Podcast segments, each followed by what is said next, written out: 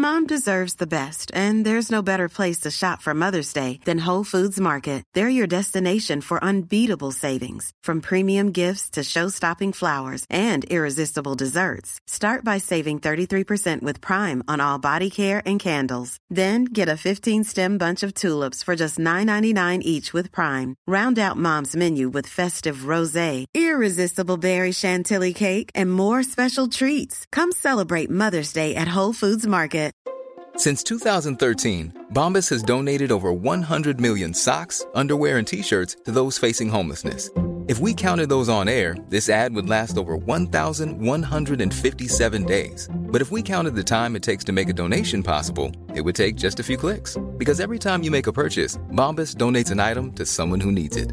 Go to bombas.com slash ACAST and use code ACAST for 20% off your first purchase. That's bombas.com slash ACAST, code ACAST.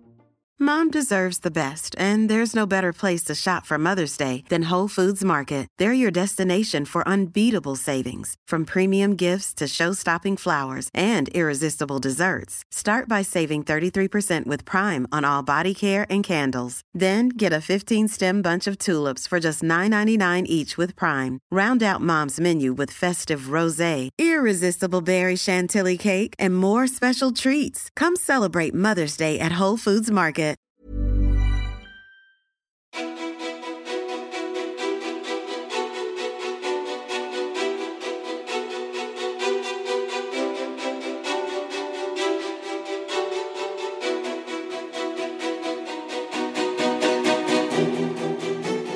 Daniel Redgert är mannen som plötsligt var en självklarhet i svensk media. En helt vanlig kille från Västerås beskrevs som PR-geniet och fick makt genom sin roll som PR-chef på Hanna och Amandas bolag Perfect Day Media. I och med det här tog karriären fart och hans egna personliga varumärke växte sig allt starkare. Han har programlett Idol Extra, släppt självbiografin Vem fan är han? och driver den egna PR-byrån Redgert Koms. Han har podcasten Redgert Ditz med Margot Ditz och är ständigt aktuell. Men Daniel har också berättat om sin egen osäkerhet för sitt utseende och berättat om sin hårda kamp för att ta sig från Västerås till den innersta kretsen kring Stureplan. Nu när han har lyckats, är han lyckligare? Varför blev han plötsligt den snälla Daniel? Och vem är egentligen Daniel Redgert? Varmt välkommen till podcasten Ofiltrerat med mig, Sofia Peterfia Ståhl. Wow. Alltså man blir alltid så här, det, bara, det, det känns läskigt i hela kroppen. Det, liksom det, nervigt. Vilket då? Nej men att någon berättar om en sådär. Mm. Att, att, sådär, att det där är någons bild av mig. Ja. Och kanske ganska många människors bild av mig. Jag vet inte om det där är bilden jag vill ha. Vad är det som eh, stör dig med den bilden? Nej, men jag, det är inte bilden i sig, det är väl bara att någon har en bild. Jag vill egentligen bara stänga mitt skafferi och typ så här släcka. Och där vill jag sitta resten av mitt liv. Men är det verkligen så? För att så här, eh, okej, som en följare då, om jag har liksom så här, helt plötsligt dök det upp i alla människors flöden. Och så roligt då att det är så här, titeln på din bok, Vem fan är han? För du kom ju upp som gubben i lådan verkligen. Eh, och då får man väl kanske intrycket, nu talar jag för massa människor men också jag själv, att så här, oj, du gillar verkligen rampljuset, du vill synas och höras, du älskar det här. Alltså att vara i, i centrum typ. Ja. Är det så? Ja, så har det ju varit eh, under eh, väldigt många år. Så har ju det varit eh, någonstans självända, eller så här, eh, destinationen i allt man har gjort och presterat och jobbat mot. Men sen så gjorde man ju där en sväng då. Mycket i samband med att jag började på Perfect Day och fick eh, utrymme att vara i sociala och digitala kanaler. Eh, Började podda, var lite kontroversiell i mångas ögon, fick lite rubriker. Ni hade en intervju i podden Tankar med, intervjuade kända personer och fick dem att säga konstiga saker om typ sex och pengar. Eh, Och kunde götta mig när man vaknade på morgonen dagen efter när ett avsnitt hade släppts och gick in på Expressen och Aftonbladet och kollade vad som hade skrivits. Men det där är totalt borta. Vad har Alltså hänt? jag, jag bryr mig så lite. Jag vill jättegärna ha erkännande för det jag gör och mitt jobb och att det går bra. Så. Men att så här, vara någon provokatör i så här, sociala mediesvängen känns så jävla tröttsamt. Jag vet inte riktigt Eh, det är så här, jag tror inte man kan säga till någon människa som har sug efter att få göra det och att få det utrymmet. Av olika anledningar. I mitt fall så var det ju att jag kom från, eh, ja, här, en, min skoltid var inte det, det jag ville att den skulle vara. Jag fick inte utrymmet att liksom prata och göra mig hörd och att folk lys, skulle lyssna på Alltså folk lyssnade inte på mig i, i skolan liksom. Mm. Eh, och där uppkom ju någonstans mitt behov av att här, få en plattform. Mm. Eh, och jag tror inte att man kan säga till någon att så här, det där är ingenting att ha utan man måste få uppleva det själv. Och någonstans så fick jag göra det. Jag fick min lilla tid där på sociala medier. Och eh, insåg väl ganska snabbt att det inte gjorde mig speciellt gladare eller lyckligare för det. Nej. Var det lite, var det som en svår process att gå igenom eller föll det sig naturligt ju mer tiden gick? Att, eh, att sen eh, göra... Att du hittade så här att okej det här blir inte jag lyckligare av. Det här är kanske inte som du trodde att det skulle vara. Mm, Uh, ja, alltså det, det sker väl lite successivt och man bara så här inser mer och mer att så här, men, det, vad, vad är det här? Och så tror jag att jag har sett så många så här, exempel och fall på människor som har fastnat lite för mycket i det där. Och uh, Bianca Ingrosso, din gamla gäst. Uh, och uh, nej men hur man ja, men så här, hur, hur vuxna människor lever och verkar i sociala medievärlden, har konflikter med varandra i sociala medievärlden, tjänar pengar på sociala medier. Jag är absolut, jag är all for att man ska tjäna hur mycket pengar som helst. Men det blir ju väldigt endimensionellt på något sätt. Det, det är inte så mycket mer än, än det man ser. Vilket inte liksom driver mig. Jag behöver en större utmaning än att så här, jobba med mig själv och liksom synas själv. Förstår du vad jag menar? Jag tror det. Jag, jag tror, ja, nej men för det är väldigt, det är väldigt speciellt. Alltså sen, jag, eh, jag, får, jag får nog när det handlar för mycket om mig själv. Och det var väl det jag kände ett tag. Du vet, så här. Och sen så blir man, öppnar man ju upp för så mycket kritik och jag är jätte, alltså, absolut eh, kan ta kritik och eh, uppmanar folk till att liksom gärna ge mig konstruktiv kritik, folk i min direkta närhet. Men när det, exempelvis när vi körde Idol på, det var ju ändå fyra linjär tv, det var väl i alla fall en halv miljon tittare på eftersnacket. Och sen direkt gå in på Twitter och se så här människor som sitter, jag vet inte vart de sitter, de sitter i sina tv-soffor och bara så här, skriver massa saker om mig, en person de inte känner eller liksom så här, de har ingen, ingen aning om vem jag är varför jag står där och varför jag ser ut som jag gör. Och var, du vet så alla de där obefogade kommentarerna. Och då säger man, men gud varför, varför ska jag utsätta mig för det här? Jätteonödigt. När jag liksom bara kan ha det göttigt med eh, mig själv och mina vänner och min liksom direkta närhet. Um, så det kanske var mycket efter Idol, jag bara så här, det här är ingenting för mig. Alltså min högsta dröm var att bli en TV4-kändis. Typ Nyhetsmorgon eller? Ja, eller bara så här, bara, du vet, jag har alltid älskat de här TV4-kändisarna för de så här, lever över generationsgränserna. De bara är alltid där. Du vet. Man slår på TVn och där står Gry Forssell 15 år senare. Liksom. Från när jag första gången såg henne, när jag bodde i Västerås och åt liksom fläskfilé och bea med mina eh, föräldrar en fredagkväll framför gladiatorerna. Det har fascinerat mig skitmycket hur någon liksom kan bara här, leva kvar i någonting. Eh, men det är så här, jag kan inte tänka mig något värre än att ställa mig liksom på en sommarkrysset-scen och, och så här, lösa korsord typ. Alltså det, nej, nej, nej, nej, nej, nej. Men hur, så här, från, för du, du är uppvuxen i Västerås och eh, hade då en jobbig uppväxt av olika anledningar. Det, alltså, det, det, var ju, det var ju inte total mörker, måste Nej. jag också bara så här poängtera. Jag hade det jobbigt lite med mig själv och jag hade det jobbigt i skolan. Eh, Men jag, säger, jag, hade, alltid haft jättebra föräldrar, eh, jättebra syskon, familj. eh, Så. Men det var någonting i dig som ville liksom dra dig mot den här eh, kändisar och glamouren och Stureplan och bloggarna. Och så. Det var någonting som verkligen lockade och drev dig dit. Sen när du väl började få kontakt med det, att du började så här, din verklighet började förändras lite grann och sen han och Amanda hörde av sig på Facebook eller det här att de, du började komma in i den här klicken. Vad hände med dig då? Som människa och person? Nej, men jag var ju så jävla glad. Alltså, I början var så bara, wow att det här hände mig. Men någonstans har jag alltid, så här, i hela mitt liv har jag vetat vad som kommer här. Alltså, jag har sett mitt liv i, liksom, i backspegeln redan. Jag vet precis, jag visste att jag skulle flytta till Stockholm. Jag kommer hamna med vissa människor. De kommer leda mig vidare till de här människorna och sen kommer det leda mig hit. Eh, så det var ju ingen överraskning, men det var ju väldigt roligt. Vad, vad menar du nu? Du är synsk.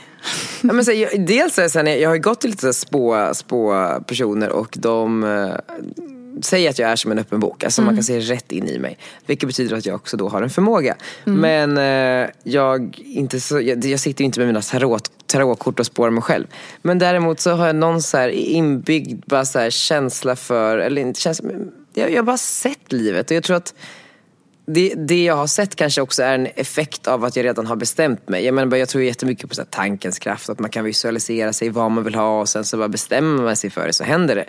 Mm. Uh, så jag vet ju inte liksom varför det, om, om det är att jag om det är att jag är synsk eller om, att det är, eller om det är att jag redan liksom besitter den här tankens kraft och har bestämt mig och därför kommer det bli som en självuppfylld profetia. Mm. Men jag har sett mitt liv hända, vilket är skitsoft. För du vet, man kan inte sit back and relax men man kan någonstans vara så här, ha en viss inbyggd grundtrygghet om att det kommer att lösa sig alltid.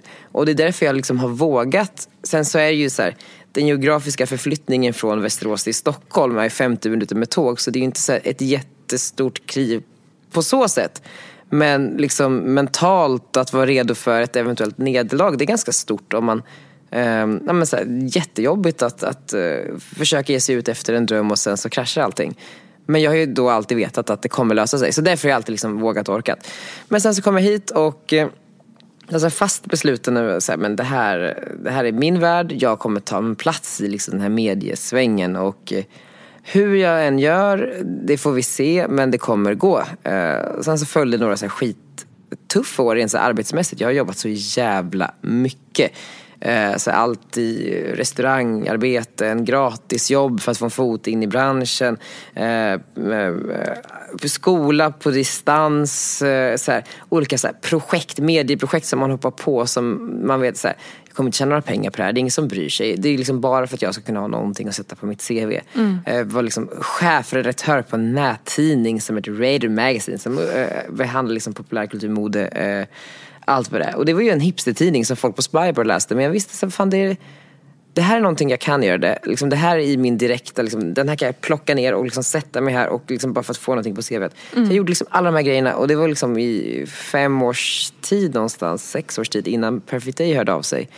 Um, så jag menar också det blir så himla fel. Alltså, det, det var mycket anledning till att jag skrev den här självbiografin, Vem fan är han? Mm. Eftersom att det var så här, när jag började synas lite och jag kände att det var jättegött och han och Amanda la upp bilder på mig och jag var jätteglad för det.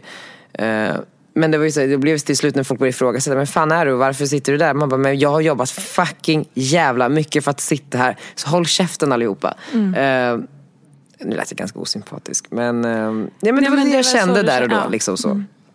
Mm.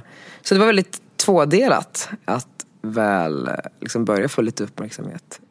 Kul för att man äntligen hade lyckats. Och tråkigt eftersom att folk var taskiga. Alltså folk runt omkring dig som du träffade i den här bubblan? Nej, mer Eller flashback. Folk... Ja, okej. Okay. Aha. Så långa trådar och jag så bara, men gud. Sen hade jag alltid haft det som en, jag, hade, jag tyckte det skulle vara kul att få med på Flashback någon gång. Alltså det sticker mm. jag inte till stolen med. Eh, det var ju goals att ha en Flashback-tråd men sen du vet när det började bli så här, folk hoppar på hur man såg ut och liksom eh, ens existensberättigande i liksom ett sammanhang. Jag var så bara, men gud, folk, hur har ni tid? Nej, det är ju väldigt fascinerande. Man förstår ju inte riktigt. Eh, det där är ju en helt, helt enorm diskussion. Ja, ja gud ja, gud, Men så här, eh, då när du kom in, för jag tror att många kanske följer, som du säger, dels så tänker man att så här, helt plötsligt satt du där en dag och du mm. hade tur typ. Mm. Eh, Medan din väg har ju varit lång och du har arbetat dig dit väldigt målmedvetet och varit driven och, och arbetat dig fram.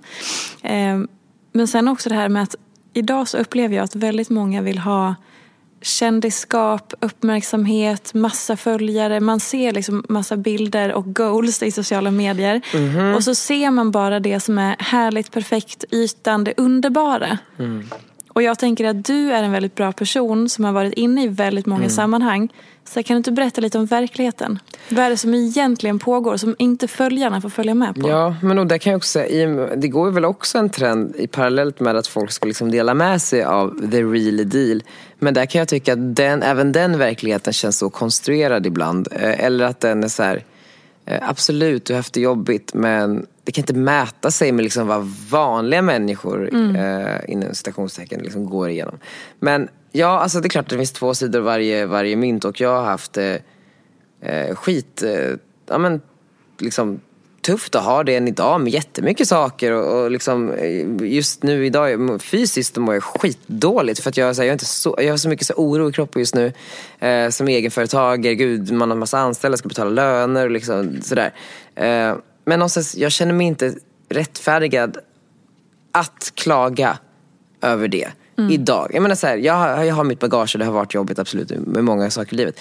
Men jag kan också bli så jävla trött på folk som ska klaga för mycket och, och att liksom Absolut, livet kan vara jobbigt på andra sidan Instagram. Men det har det jävligt gött ändå. Alltså förstår, förstår ja. vad jag menar? Jag, jag, jag blir så här, fan jag, man ska inte hålla på och klaga för mycket. Nej. Men då, det som jag mer var inne på var så här, hur ser det ut i verkligheten? Du som träffar kändisar, influencers. Mm, mm, du menar liksom branschen? Eh, ja, exakt. Hur, mm. så här, om, man, om man bara då sitter på andra sidan hemma och lyssnar och sen så mm. har man ett gäng man följer och så tänker man de lever det perfekta livet, allting är så underbart och härligt. Mm. Dit vill jag också uppnå. Och sen så tänker jag att du, har ju var, du är ju mitt i smeten. Du känner typ alla, du är i massa olika sammanhang. Mm. Kan du berätta lite om, om ja. så här, hur det är egentligen? Det är väldigt vanligt. Eller så förstår ja. du, så här, det, det, det är ju inte så att man går och reflekterar. Oh, här sitter jag med Bianca Ingrosso. Alltså förstår du vad jag menar? Mm. Alltså, det är så här, eh, jag tror att eh, man, utifrån så kanske man ser på ett sammanhang på ett visst sätt och ser det lite som ett så här, eh, som övermänniskor som lever i någon så här parallell bubbla. Um, men man får ju aldrig glömma att de människorna ser sig själva oftast inte på det sättet utan de ser sig själva på samma sätt som liksom vem som helst. Uh, och lever också då i sin bubbla i förhållande till sina medmänniskor på samma sätt. Däremot så kan jag ju tycka då återigen att det är i den här bubblan så problemen man har och diskuterar och liksom eh, när man pratar om eh, utmaningar i jobbet och eh, liknande saker så kan jag tycka att det är lite världsfrånvänt. Mm. Eh, jag för, man, man kan ju inte ta det ifrån någon att ens största problem är att ens following kanske börjar, engagemanget börjar liksom sina eller att Eh, man inte får lika mycket samarbetspartners längre eller att eh, man inte blev inbjuden på Elgalan. Det är klart att man inte kan ta från någon människa att det är ens största problem. Men å andra sidan så är det ju ganska privilegierade problem. Ehm, så det kan jag tycka är mycket så här, gemensamt för den här världen, vad man liksom faktiskt diskuterar. Mm. Sen så kan det ju också vara så att man kanske inte vill lyfta sina djupaste hemligheter och problem för en fellow mediemänniska såklart. Eh, men det vill säga att den här världen är ju ganska härlig att vara i. Alltså problemen är inte så stora och folk är glada och folk är utåtriktade för att någonstans ha lyckats göra sitt namn i den här världen så kräver det en viss social förmåga. Så folk är ju liksom ja, men, trevliga och må många gånger intressanta för många kommer ju också med ett bagage. Man har upplevt vissa saker och, och kämpat hårt för att få bli en del av liksom, sammanhanget. Och då kanske man söker sig till den lite mer excentriska världen där man också har en plattform i Stockholm. Så det är väldigt spännande karaktärer här också. Mm. För ett tag sedan så var ju du lite mer tankar med. Du var ju den här elaka ah, ja, ja. Daniel eller så. Och nu är du snälla Daniel. Du och Margot pratar mycket om det i er podd. Mm. Som, vad var det som hände där? Vilket av det är en strategi? Vart är ditt riktiga jag? Nej, men alltså, mitt riktiga jag är väl allt det där. Alltså, jag är ju så här, jag är gärna kaxig och liksom så här, ställer frågor rakt ut. Inte för att jag menar eh, att göra någon illa. Utan för att jag är så som person. Jag är ganska mm. så oförsiktig och liksom säger vad jag tänker.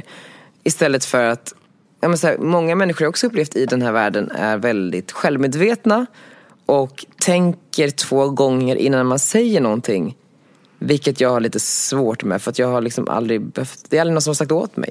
Eh, förrän man skaffade den här podden och folk bara, men gud så där kan du inte säga. Man bara, va? Kan inte? Varför inte det? Så har jag alltid varit hela mitt liv.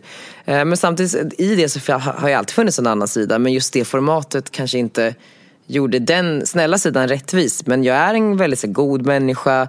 Eh, jag vill egentligen bara så här, hjälpa mina medmänniskor. Mycket av anledningen till att jag orkar jobba hårt idag är ju för att så här, jag vill att alla i min närhet ska ha det bra. Alltså, Skiter det sig så vill jag kunna så här, rycka in och bara säga, men vet du vad, du kan få bo hos mig eller vet du vad, eh, om någon i min familj blir sjuk och det inte går att få den sjukvården i Sverige, ju min, så här, då vill jag kunna så här, fixa det utomlands. Så förstår du, alla de här liksom.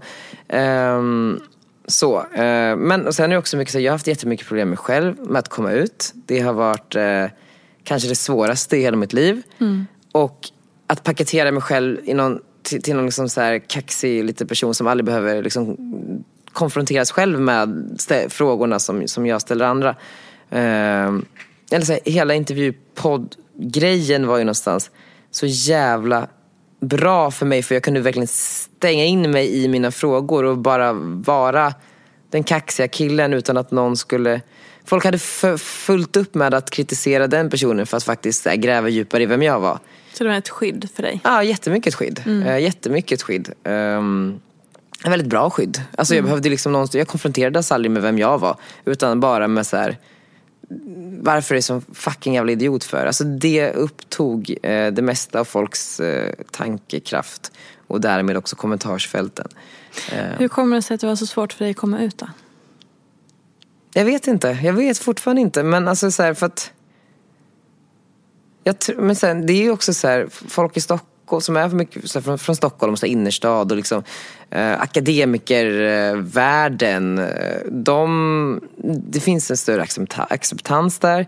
Eh, jag menar bara att i, i eh, Västerås, det är, det är en stor stad i Sverige men det är fortfarande en liten stad och en industristad till stora delar. Folk är inte så utbildade. Jag har inte sett så mycket, inte träffat så mycket olika människor och det är så här, inget ont om det. Men det gör ju att man också, det blir mer vad ska man säga, exotiskt. Eller, men- eller det kanske det är fel ord kanske men jag menar bara Man kan få en stämpel då eller att du Ja, blir men liksom man blir utsatt. så jävla ensam om sin... För, för det finns inte jättemycket så här, framförallt inte gymnasiet så här, det fanns inga öppna homosexuella där. Eh, Och jag var inte, den, var inte beredd att vara den första liksom. Nej. Eh, För man hörde ju Det folk fanns prata. alltså ingen öppen Det fanns en och det var Ja. liksom min granne och det var gölen, ö, bögen i det gula huset Ja. Mm. kallade man honom. Och jag bara, jag vill inte bli det. Nej, såklart. Alltså jag vill ju vara jag. Jag vill inte vara min läggning. Eh, och sen så kommer jag ihåg när jag sommarjobbade på eh, ABB som är ju då ett ställe som gör, eh, producerar olika saker. Jag stod i fabriken och jobbade och monterade reläskydd. Jag vet fortfarande inte vad de gör men det var någon liksom box jag satte ihop med olika muttrar och skruvar. Eh, och sen så hade vi fika typ fem gånger per dag som man har där och eh, vår så här, gruppledare Mona hade varit i Stockholm under Pride och sett två killar hålla i hand med sin man. Och sen så satt de där och pratade om det på fikan och skrattade. Alla började skratta när hon berättade det och såg lite äcklad ut. Och det tror jag, så här, det satte sig så djupt i mig så jag var så här bara, mm-mm.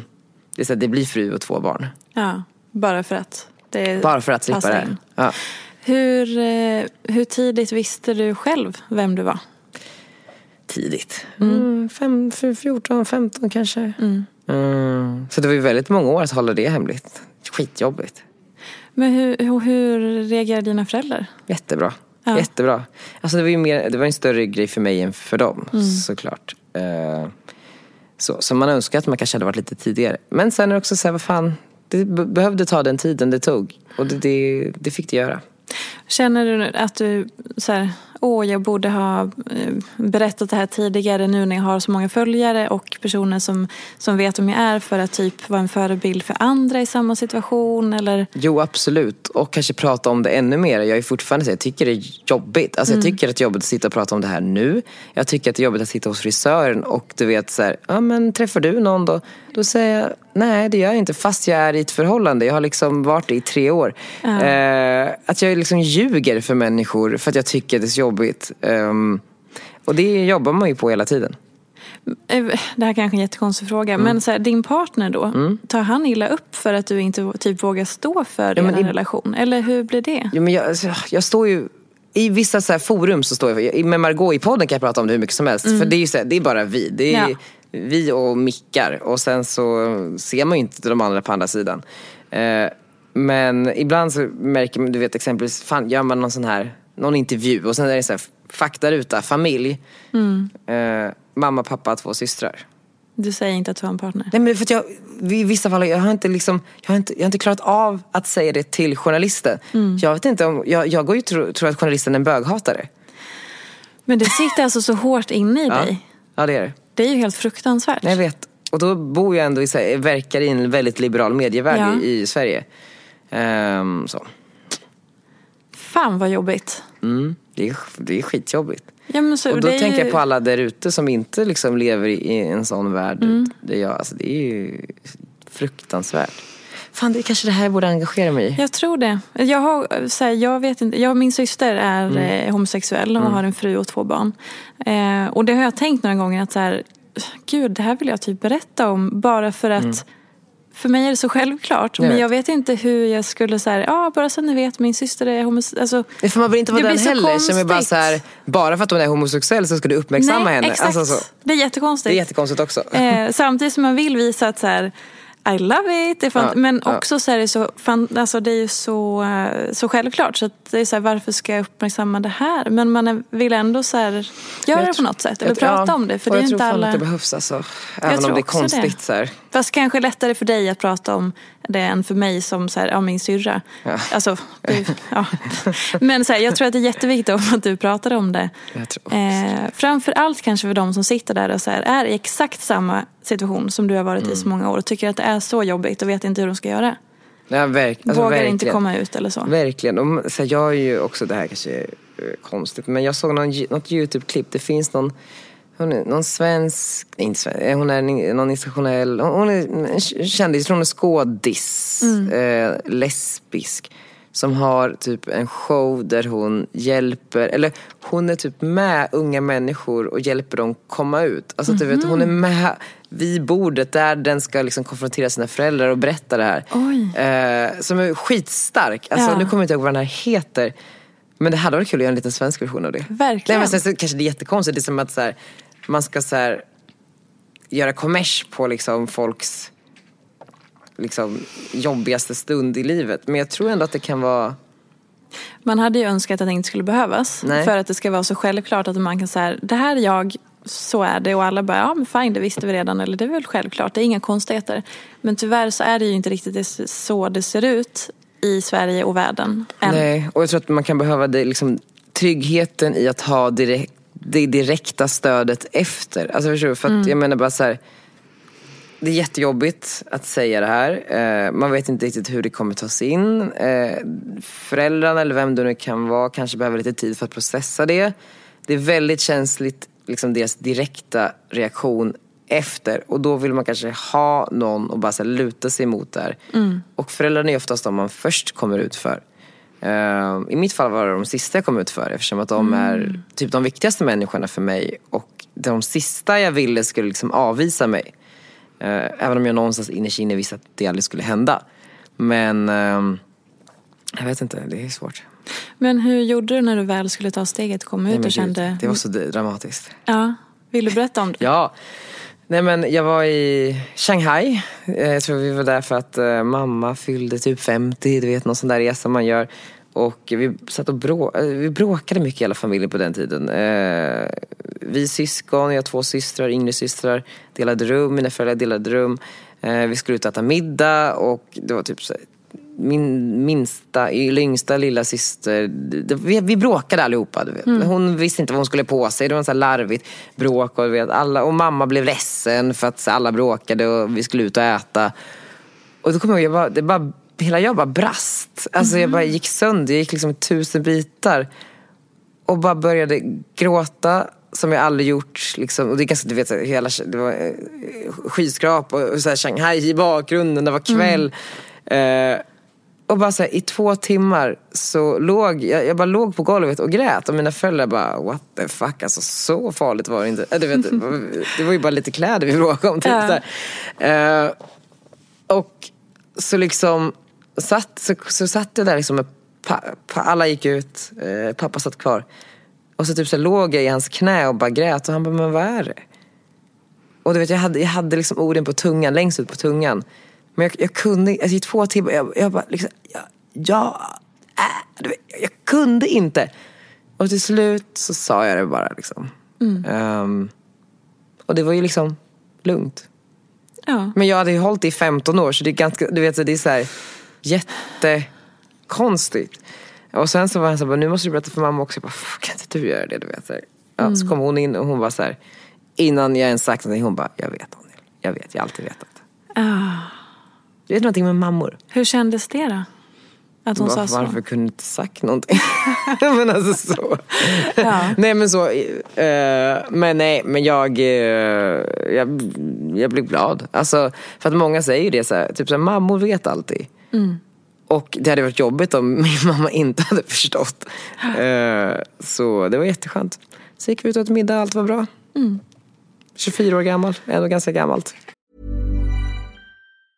Mom deserves the best, and there's no better place to shop for Mother's Day than Whole Foods Market. They're your destination for unbeatable savings, from premium gifts to show-stopping flowers and irresistible desserts. Start by saving 33% with Prime on all body care and candles. Then get a 15-stem bunch of tulips for just $9.99 each with Prime. Round out Mom's menu with festive rosé, irresistible berry chantilly cake, and more special treats. Come celebrate Mother's Day at Whole Foods Market. When you're ready to pop the question, the last thing you want to do is second guess the ring. At Bluenile.com, you can design a one of a kind ring with the ease and convenience of shopping online. Choose your diamond and setting. When you find the one, you'll get it delivered right to your door. Go to Bluenile.com and use promo code LISTEN to get $50 off your purchase of $500 or more. That's code LISTEN at Bluenile.com for $50 off your purchase. Bluenile.com code LISTEN. This is Paige, the co-host of Giggly Squad, and I want to tell you about a company that I've been loving, Olive and June. Olive and June gives you everything that you need for a salon quality manicure in one box. And if you break it down, it really comes out to $2 a manicure, which is absolutely insane. It's also so easy to get salon worthy nails at home with Olive and June. The difference between how your nails used to look when you did them yourself and now with the Manny system is a complete game changer. The best thing about Olive and June too is it's a quick dry. Dries in about one minute, lasts for five days, and full coverage in up to one to two coats. Visit oliveandjune.com slash perfectmanny20 for 20% off your first system. That's oliveandjune.com slash perfectmanny20 for 20% off your first system.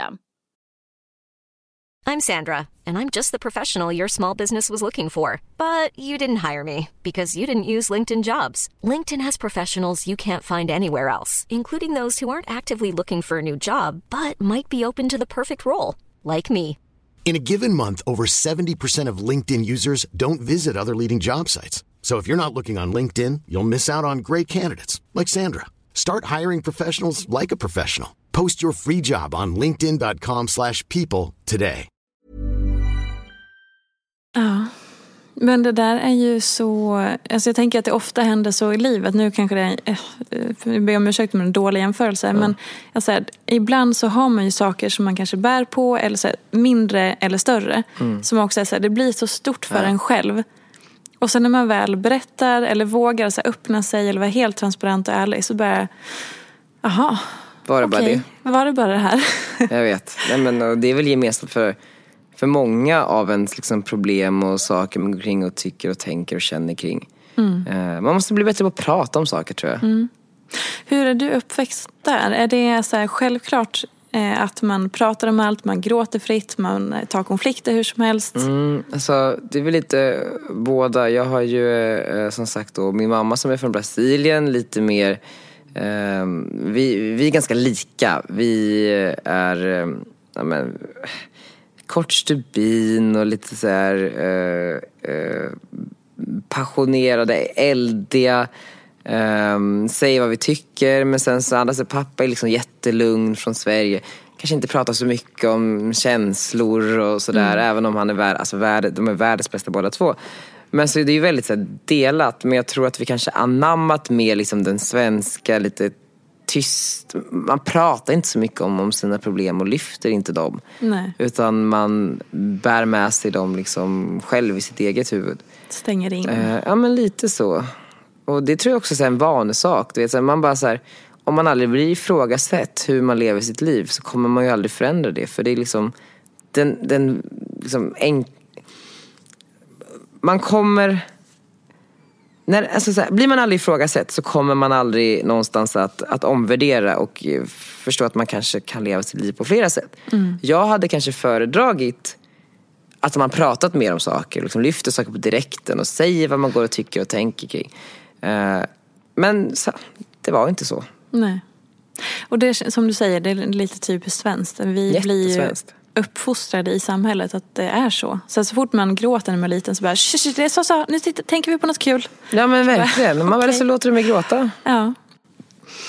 Hur... Eh, du, jag läste någonstans så här. Jag har ett citat som du har Mm. Gud, eh, mardröm. Vad är det så här. Jag är så jävla hård mot mig själv. Varje vaken timme är jag fastklistrad vid datorn eller telefonen. Sex gånger i veckan ska jag träna också. Mellan det får jag inte äta bröd eller pasta och jag måste vara i säng innan midnatt. Just idag skiter jag i det. Idag ska vi unna oss. Men så är det ju, typ. Det är så ditt liv ser ut. Ja. Ja. Idag ska jag unna mig dock, också har jag bestämt mig efter här, då ska jag äta vegansk bulle från Pepstop. Wow. Eh, De är så goda. Men, eh, ja, men så är det. Och eh, jag gillar det. Alltså jag älskar det livet. Jag, jag känner att jag liksom uträttar saker och är på väg mot något större. Eh, Jag älskar att jobba, älskar att träna, älskar att ha kontroll. Jag behöver sova för att orka. Ehm, så. Men sen så ibland så kan man ju kanske chilla lite grann. Men du känner inte att det blir liksom för inrutas, för strikt och allting så att du glömmer typ att leva? För att man, man är så upptagen Mm. med att skapa och designa sitt liv och åstadkomma saker och så här, eh, lite fylla upp, leva upp till den här illusionen av någon som är framgångsrik. Mm. Att det blir så tajt med allting, att man ska effektivisera livet som Ja, Isabella. Löwengrip ofta återkommer Ja, gud, till. Att så här, men, kommer man ihåg att leva då? Ja, men jag tror att man behöver, för att kunna leva så behöver man ramarna. För att Mm. annars går man sönder. Jag, jag säger, om inte jag tränar så mycket så mår jag jättedåligt. För att jag har så mycket energi så jag måste liksom döda min kropp varje dag. Eh, jobbar jag inte mycket då blir jag orolig för att företaget inte går bra. Men sen varifrån jag jobbar eller liksom vill jag ha sovmorgon för att jag ska gå ut och festa en hel natt då kan jag ha det. Men det är för att jag har de här ramarna för att, så här, för, för att må så bra som möjligt.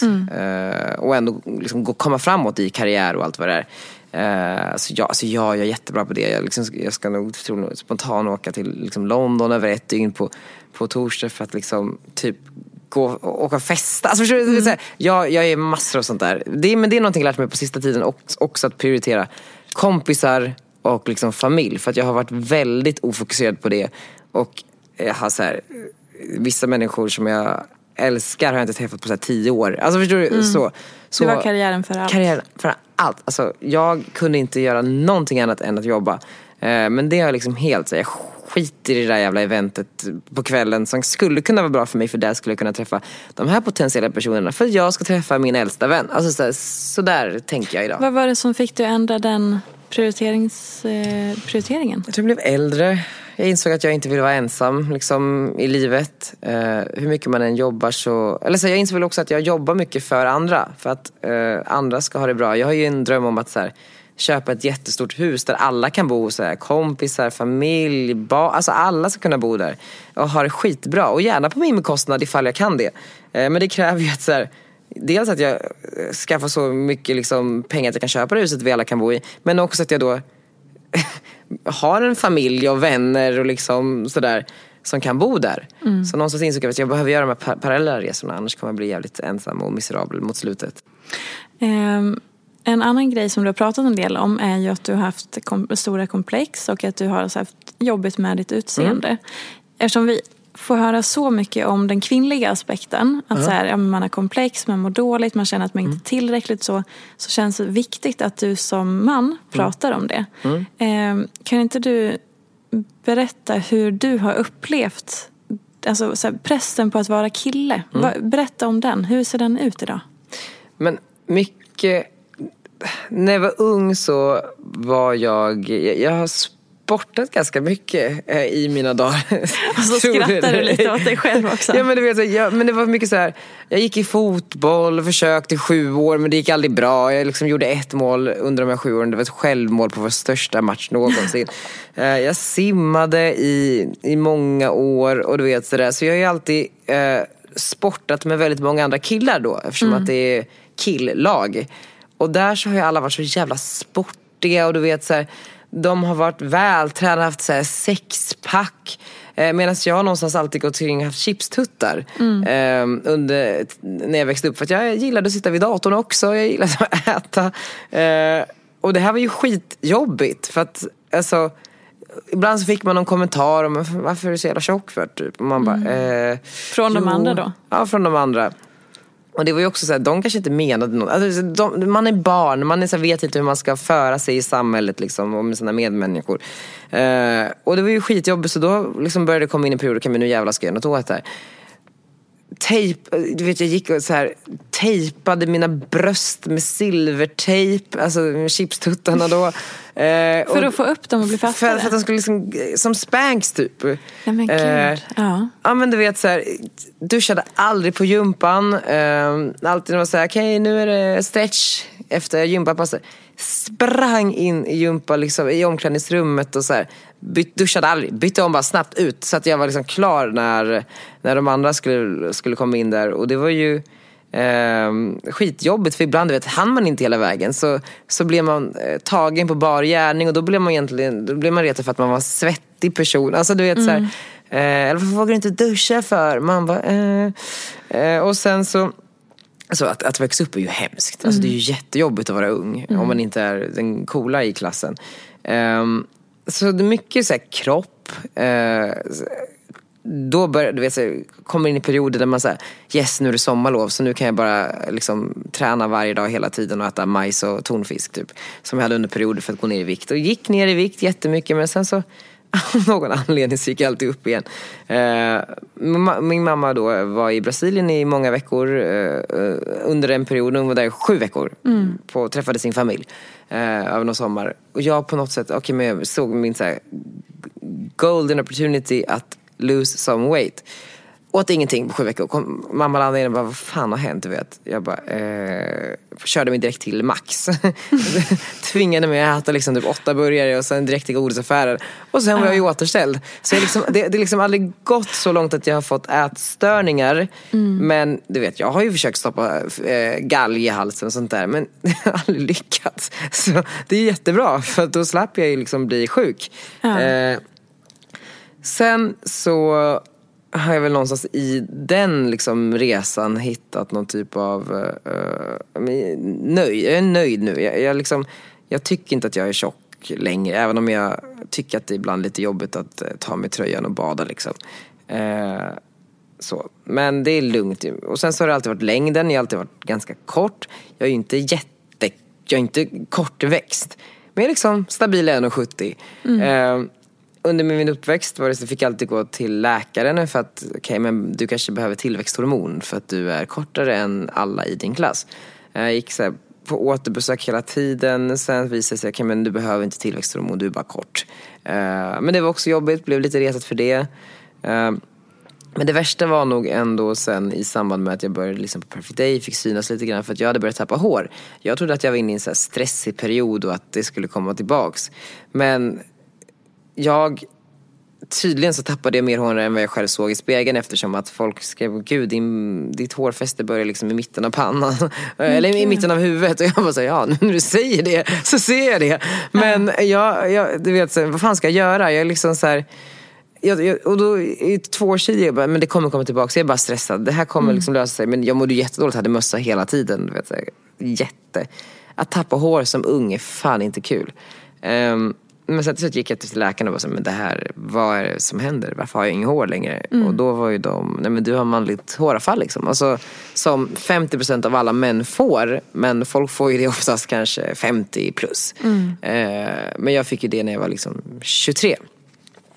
Eh, så det var skit, skit, skitjobbigt. Men då var jag så men jag måste göra något åt det. Eh, la in mig på en, en, ett, en klinik och flyttade liksom 1800 hårsäckar från bakhuvudet till framhuvudet. Mm. Och eh, har helt plötsligt hår igen. Vilket är asoft.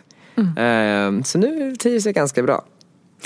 Men var det liksom ett svårt eh, beslut för dig att ta då? Eller var det bara så här, okej, okay, det här är det här som måste göras? Nej, jag, här måste göras. Alltså, ja. jag, jag, jag, tänker inte så mycket. Jag bara säger, okay, men eh, här är problemet, vad är lösningen? Okej, okay, let's do it. Så. Mm. Mm. Uh. Men hur tycker du att, så här, hur ser det manliga idealet ut enligt dig? Svårt. Jag har aldrig haft så mycket killkompisar. Det, på senare tid har jag, nu har jag ganska mycket killkompisar. Mm, till och med mer tjejkompisar tror jag. Mm. Men eh, manliga idealet, jag vet inte. Det är väl att vara liksom 1,88, eh, vältränad, eh, snygga kläder, eh, mycket hår. Mm. Typ så. Sexpack. Ja men typ, sportig. Ja. Atletisk. Ja, atletisk, precis så. McKinsey-kostym på sig. Ja. Ja, eller jag, jag vet inte. Bra alla. käkben. Bra käkben. Eller liksom den så lite, lite Ja, ja, ja, ja. tung, Ja skarpt. men modelligt liksom. Henrik Lundqvist. Ja men precis. Mm. Men sen så tror jag att också så här, den bilden, den, den stereotypa så här, bilden, den börjar lite suddas ut. Tror jag. Jag är inte säker men det, alltså, jag vet inte. Jag lever ju också i en så jävla stängd värld på så många sätt. Jag har ingen aning. Alltså jag sitter i min lilla mediebubbla där alla är så öppna och fria och tycker hit och dit. Det spelar ingen roll om du har liksom eh, en svans. Alltså du är fin i alla fall. Alltså förstår du vad jag menar? Eh, och då menar jag liksom inte en hårsvans utan en, typ en, rik, en riktig liksom, svans. Om det är en enhörning. Ja men typ såhär, det, det är ingen som hade reagerat. Typ, oh, good for you, du vet så. Så jag vet, jag vet fan inte. Jag vet inte. Det är svårt. Kan du tycka att så här, det behöver pratas lite mer om det manliga idealet? För vi pratar ju ganska mycket om det kvinnliga. Ja, alltså i alla fall i unga år. Eh, alltså, jag, jag är så pass här, trygg i mig själv idag att jag så här, jag behöver inga förebilder som liksom går i bräschen för hur, för hur, eh, ja, men så här, hur man kan se ut och liksom, olika alternativ och sådär. Men som ung är det så jävla viktigt oavsett om du är kille eller tjej eller liksom mittemellan. Jag tror bara att man måste ha uh, starka förebilder som liksom är, eh, som represent, inte som represent, men, men som som har någon typ av stödfunktion för alla människor som kanske inte känner sig som normen eller känner sig som den populära eller känner sig som ja, men vad du nu än är. Eh, Så starka förebilder är skitviktigt för, för unga människor. Om jag utgår från mig själv. Sen så var det säkert, folk var säkert skittrygga också, hade det svinbra. Alla atletiska människor med liksom, eh, ja, jag vet inte. Det är så jävla komplext att Ja. upp alltså. Du nämnde lite kort att du var väldigt stressad eh, i samband med att du tappade håret Mm. och sådana saker. Vad, så här, hur, vad har stress för roll i ditt liv idag? Jag kan kontrollera den för jag tar inte saker på så stort allvar längre. Eller jag är skitseriös liksom när det kommer till, till mitt jobb och sådär. Men det är fortfarande så här, vad gör det om hundra år ifall någonting går åt helvete? Jag brukar se livet som typ ett så här tv-spel eller datorspel. Alltså det är så här, det är bara spel och det ska vara roligt liksom längst vägen. Eh, och det finns alltid någonting som är viktigare. Och så tror jag så mycket, mycket åldern, alltså så här, det som blir viktigare, det blir viktigare och det som inte spelar någon roll, spelar verkligen ingen roll längre. Ehm, men så här, jag är alltid lite stressad. Men på, jag tror att det är bra sätt. Jag tror att det finns bra och dålig stress. Eh, jag har inte det. så mycket så inre oro längre. Men sen så har jag mycket saker som ska få plats under kort tid. Men det kan jag hantera. Men vad hade du för stress innan då? Men mycket så här, och när man framförallt flyttar till Stockholm så var det så här, men gud kommer det här bli någonting? Eller så här, du vet. eh, Hela vägen tills man faktiskt får bollen i rullning är ju en en enda så lång startsträcka som är lite påfrestande. Så att inte, inte veta om det här kommer gå vägen eller inte. Sen så i efterhand så förstår man ju, men det är klart att det kommer gå vägen om man liksom jobbar tillräckligt hårt och är tillräckligt duktig, absolut. Men de första åren, sen så är också, men så hela komma ut grejen. Kommer jag någonsin att göra det? Kommer jag någonsin att träffa någon? Kommer jag någonsin få barn? Men du vet, så alla de grejerna har jag också så här, jag är ganska övertygad om att allt kommer gå vägen även där. Så det skapar ingen inre stress. Ehm, nej, jag känner mig ganska... Men hur gick du från att vara stressad över de här stora frågorna som du ändå nämner med att kanske få barn sen och komma ut och vara trygg Mm. i sig själv till att idag så bara, det löser sig. Ja men för att mycket av det har ju löst sig. Ja. Alltså så, jag, har ju, jag kom ju ut, jag träffade ju någon, jag liksom jag är sambo och jag liksom har ett företag som går bra.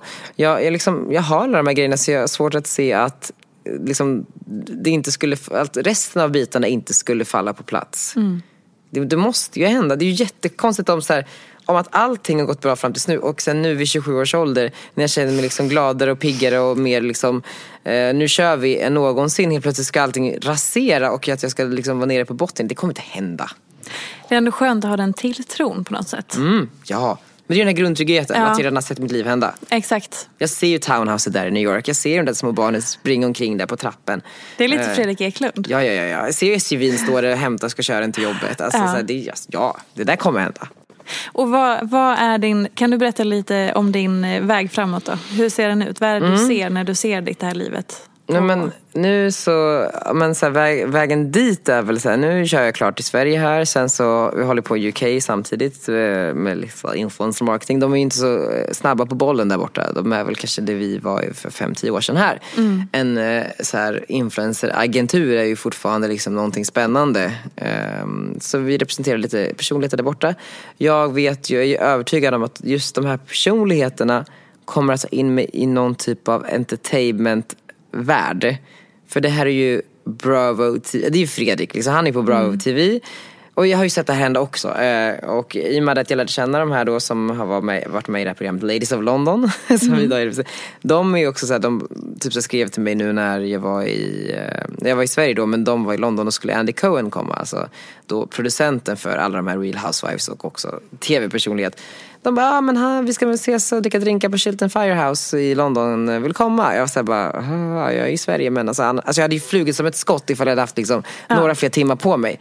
Men jag ser alla de här små sakerna hända vilket jag vet att ett, jag lägger ihop ett och ett och liksom, det går lite mer tid och jag träffar ytterligare någon, så vet jag, jag kommer, jag, då kommer jag vara i USA, jag kommer göra typ någon, någon tv där kanske som jag skulle tycka var kul att göra eh, internationellt och sen så kommer mitt företag, alltså det, det rullar på utomlands och jag, jag, får ju liksom konstiga mejl från folk som så här, kanske har lyssnat på podden och bara så här, men gud jag bor ju i New York och jobbar med det här, vi borde göra något tillsammans. Och, och det gäller ju bara så här, om man pratar högt om sina drömmar hela tiden och liksom berättar för hur många, så många man bara kan så kommer ju folk hjälpa dig på ett eller annat sätt.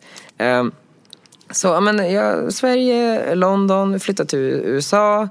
Eh, kommer ha det jävligt liksom, härligt där. Eh, ha något fett kontor. Ha kul på kvällarna, mycket middagar. Köpa det där townhouset, åka ut till Hamptons på helgerna. Kanske ett hus i södra Frankrike. Nu låter det väldigt materialistiskt. eh, men någonstans är det så här, det är bara en symbol för att jag faktiskt så här, lyckades. Att jag bestämde mig en dag där på liksom högstadiet att så här, det här är ingenting för mig. Jag vill vara i en värld där jag får vara mig själv fullt ut och också få, ja, men så få belöning någonstans för allt hårt jobb jag kommer att lägga, lägga ner på det här. För det, är- alltså, det är så mycket jobb. Ehm, ja, om man vill någonstans. Det är ju det som är lätt att glömma när man är betraktaren. Att man bara ser det här glammiga och lätta. Och som det var med dig, att så här, helt plötsligt en dag så fanns du där i de här eh, coola Schulman-familjerna. Bara, Där sitter han. Oj, Verkligen. hur halkade han in genom den ja, dörren? Gud, nej, nej, nej, nej, nej. nej. Och det är också så här, när jag säger att det har varit mycket jobb. Då har det, det har varit jätte, alltså det är inte så här att jag så här jobbade från åtta till åtta på kvällen. Alltså jag jobbade liksom från, alltså sex på morgonen till två på natten i liksom varje dag. Under flera år.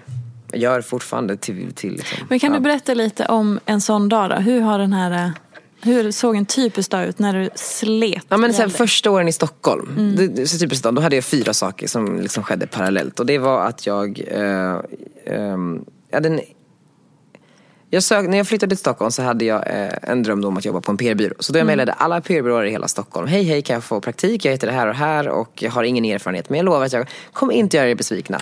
Som jag idag inser att väldigt många skriver eftersom att många vill liksom in i den branschen. Eh, men då insåg jag att okay, jag måste ju, för att de ska svara så måste jag liksom skaffa någon typ av legitimitet på mitt CV. Så då började jag på den här nättidningen då, eh, Radio Magazine, som jag från att vara skribent och skrivit låtsasintervjuer med typ Lady Gaga, fick ta över eh, som så här, chefredaktör. Men jag fick också, eller så här, jag bara, här ska jag, jag ska göra business nu. Så jag liksom startade mitt första aktiebolag och bara så här, tog in två delägare som kunde andra saker som jag inte kunde, typ AD och ehm, något annat, sales tror jag att det var. Eh, vi blev en del av eh, Fashion Networks som var Elin Kling. eh, s- när så här, bloggvärlden var helt den var så ny och färsk så gjorde ju hon liksom jävla mycket business på det. Och de hade massor av, av portfölj, de hade portfölj av sajter eh, som de gjorde business på. Och vi fick liksom ingå ett samarbete och vara en av de här sajterna. Vilket var så jävla stort för mig för jag hade ju bara följt det här liksom från Västerås och bara såhär, oh my god, vi är, jag är en del av det här nu. Eh, det var liksom ett ben och det var svin mycket jobb med det. Även om det låter som att ah, jag skrev någon liten artikel där. Det var jätte, jättemycket jobb med det. Eh, sökte in på Bergs. Eh, kom inte in på en sån här heltidsutbildning ett år. Men det var lika bra det för jag hade ändå inte råd med 136 000 som det kostade. Men kom in på en distanskurs i PR. Eh, pluggade distans på Bergs. Bara, men gud, jag har ju tid kvar. Eh, jag söker en praktik. Så jag kan göra det på dagarna. Jag sökte en praktik som var en, en heltidspraktik på en PR-byrå. Eh, heltid och övertid. Eh, och sen så, jag har ju inga pengar. Jag måste ju betala min hyra. Eh, jag jobbade heltid på restaurang. Vilket innebar att jag började åtta på morgonen, eh, ish. Men innan det så var jag tvungen att gå upp för att skriva typ en artikel, mejla lite om den här tidningen och något. eh, Vi skulle göra något annonsarbete. Eh, Gick direkt till eh, eh, praktiken, var där till liksom sex, sju, direkt till restaurangen. Var där till två på natten.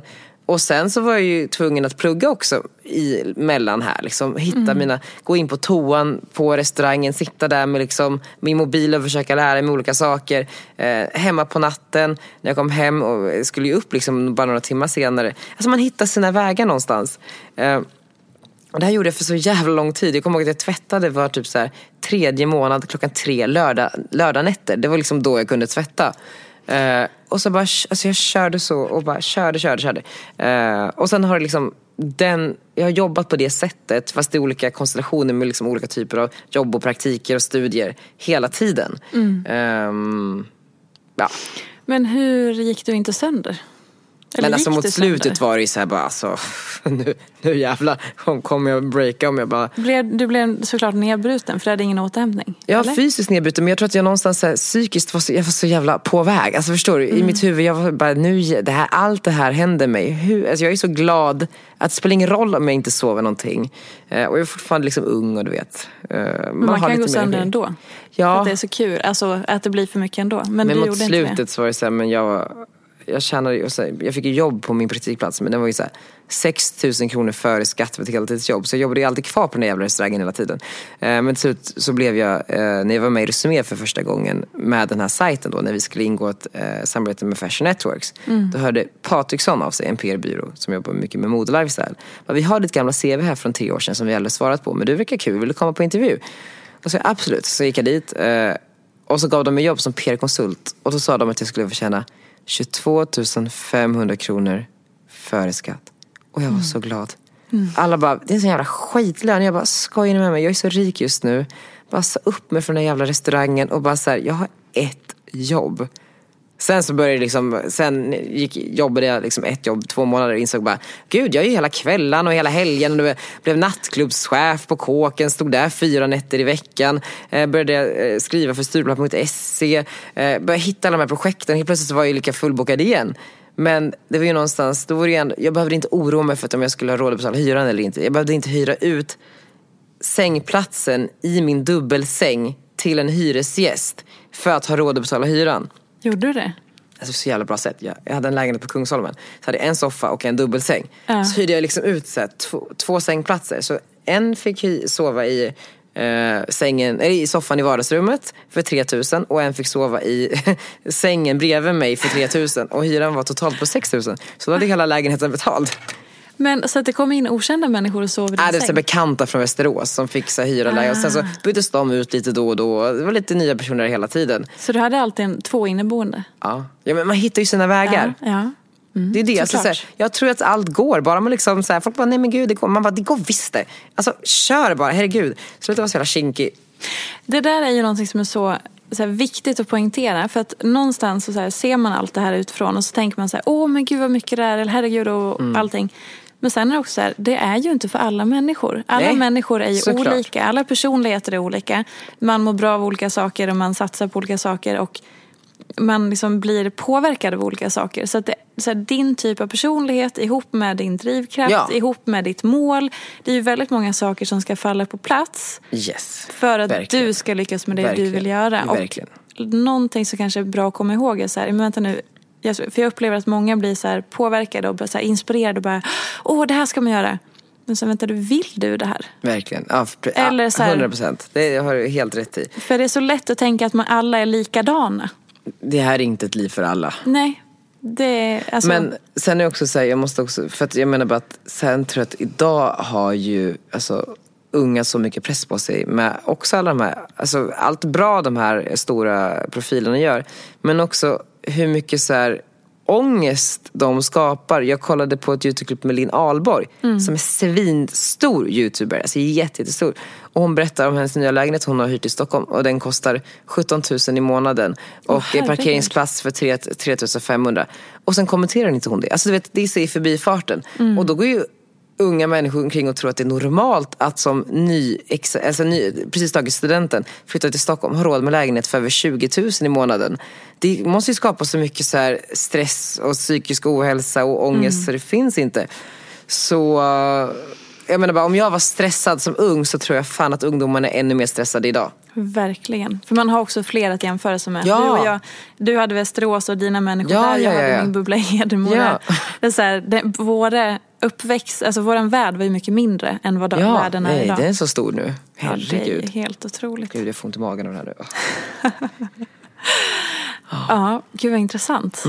Jag tror att vi måste börja Ja, eh, avrunda. Det var väldigt trevligt. Ja men vad kul. Jag är väldigt glad över att du ville gästa. Och jag är Ja. väldigt glad över att du ville berätta mer om alltså, dels allt det här men också så här, hur är det att vara man idag? För att det har vi inte Mm. någon aning om. Och jag tycker att det kanske man inte hör så mycket om. Så vet inte jag om jag är så jävla representativ för hur det är att vara man idag. Varför inte? Jag vet inte. Det är väl klart att du är. det.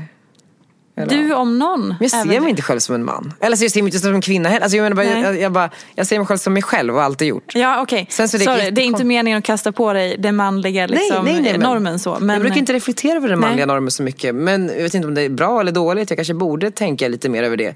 Är det att Eh, du känner att du inte vågar ta den platsen riktigt? jag, vet, jag tror att jag är bara så fokuserad på andra saker så att jag så bara, hinner inte. Eller så, eller så det, det har aldrig slagit mig. Eller jag bara så här, Jag vet inte. Jag vet inte vad det är. Att jag är ändå så... så s- mycket saker som är så viktigt för så många har jag bara släppt totalt. Det kanske ligger i mitt ansvar att jag borde liksom så här, bry mig eller föra någon typ av kamp eller så här, Fast man kan ju inte dra alla kamper. Man, har inte, nej. man kan ju inte ta allt ansvar. Eh, även om man har många följare eller, eller liksom är någon. Man kan ju inte heller gå i bräschen för prick allt i hela livet. Nej, men precis, och mår jag bra i, i, i min värld som det är så varför ska jag liksom ta in saker som får mig att Nej. reflektera och kanske må sämre? Det känns ju inte så... Ja, det, Nej. Intressant eh, tanke där. Men jag är i alla fall jävligt glad fan. Jag är fan jävligt glad. Det är bra, livet är bra. Ja, vilken skön avslutning. Ja, jätte. Sjukt bra. Kul. Ja, tack för att du ville komma och gästa och prata med mig. Ja, tack för att jag fick komma, en Eh, ära. Daniel finns ju på sociala medier, i alla fall lite grann Mm, nu för tiden. Och du finns ju på Daniel Redgert. Nej, Redgert. Redgert. Redgert. R-E-D-G-E-R-T. Jag säger Redgert. Men det gör alla, så det är okej, det är lugnt. Jag, jag kommer över det också. Ja men det är bra. Och sen finns ju din bok också. Vem fan Ja. är han? Finns det nu som pocket med extra material. Perfekt. Livet Mycket efter trevligt. perfect day. Mycket trevligt. Tack så jättemycket. ja, Hej tack så mycket, hej då. Följ mig gärna i sociala medier. Jag heter Peterfia på Instagram och bloggar på peterfia.se. Vill du komma i kontakt med mig så gör du det på info.peterfia.se. Jag vill rikta ett stort tack till Acast för studio och stöttning och ett stort, stort tack till geniet Elin Sjödén som klipper den här podcasten.